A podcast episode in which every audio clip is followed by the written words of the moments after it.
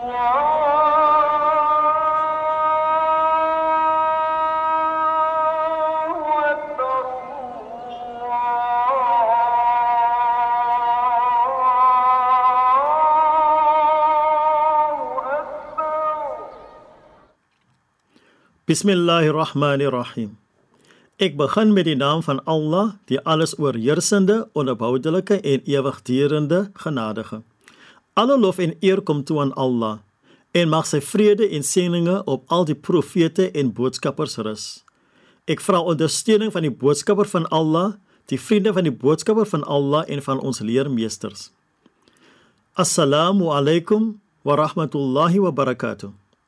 Die vrede en seëninge van Allah op u. Ons bou voort op ons bespreking van die Surah Al-Fatiha en vandag fokus op Alhamdulillah.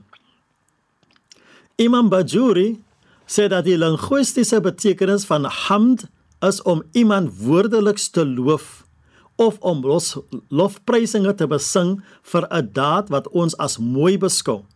En dit word uit vrye wil gedoen en dit is ongeag of die persoon geprys word al dan nie.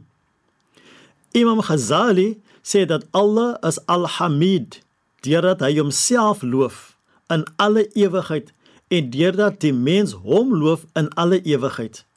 Hierdie lof kom deur sy kenmerke van majesteit, verheffing en volmaaktheid in vergelyking met hulle wat hom prys. Want die essensie van lof is om die kenmerke kenmerke van volmaaktheid te noem in soverre hy volmaak is.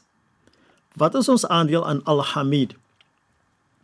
Imam Al-Ghazali sê dat Al-Hamid se mense is diegene wie se geloof, karakter, dade en woorde sonder voorbehoud geloof word.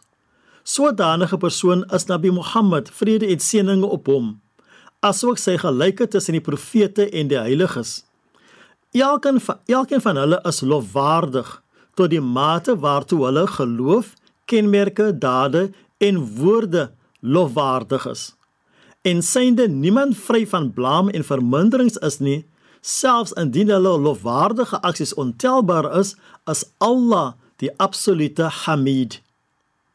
Imam al-Bajuri sê dat daar as vier afdelings is waarin hamd verdeel word.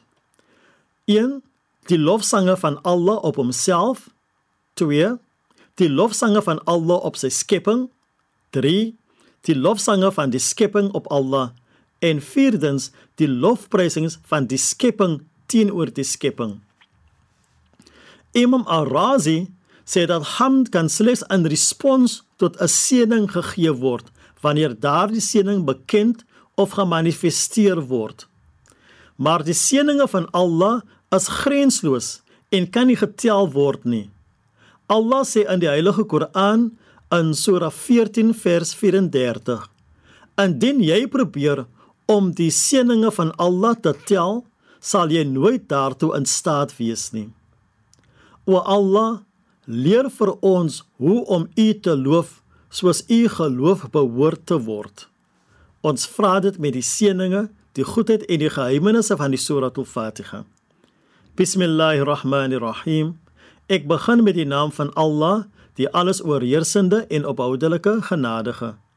Alle lof kom Allah toe, Heer van die geskaapte orde. Die alles oorheersende genadige, die onophoudelike en ewigdurende genadige. Meester van die oordeelsdag. U alleen aanbid ons en U alleen smeek ons om hulp. Lei ons op die regte weg, die weg van hulle wie U guns verdien, nie die weg van hulle op wie U toore neergedaal het nie, of die weg van hulle wat afgedwaal het nie. Walhamdulillahi rabbil alamin. En alle dank en lof kom toe aan Allah. Dit is ek, Shaid Maniers, wat u met God se vrede, God se seëninge en God se genade groet. Tot 'n volgende keer, insha Allah. Allah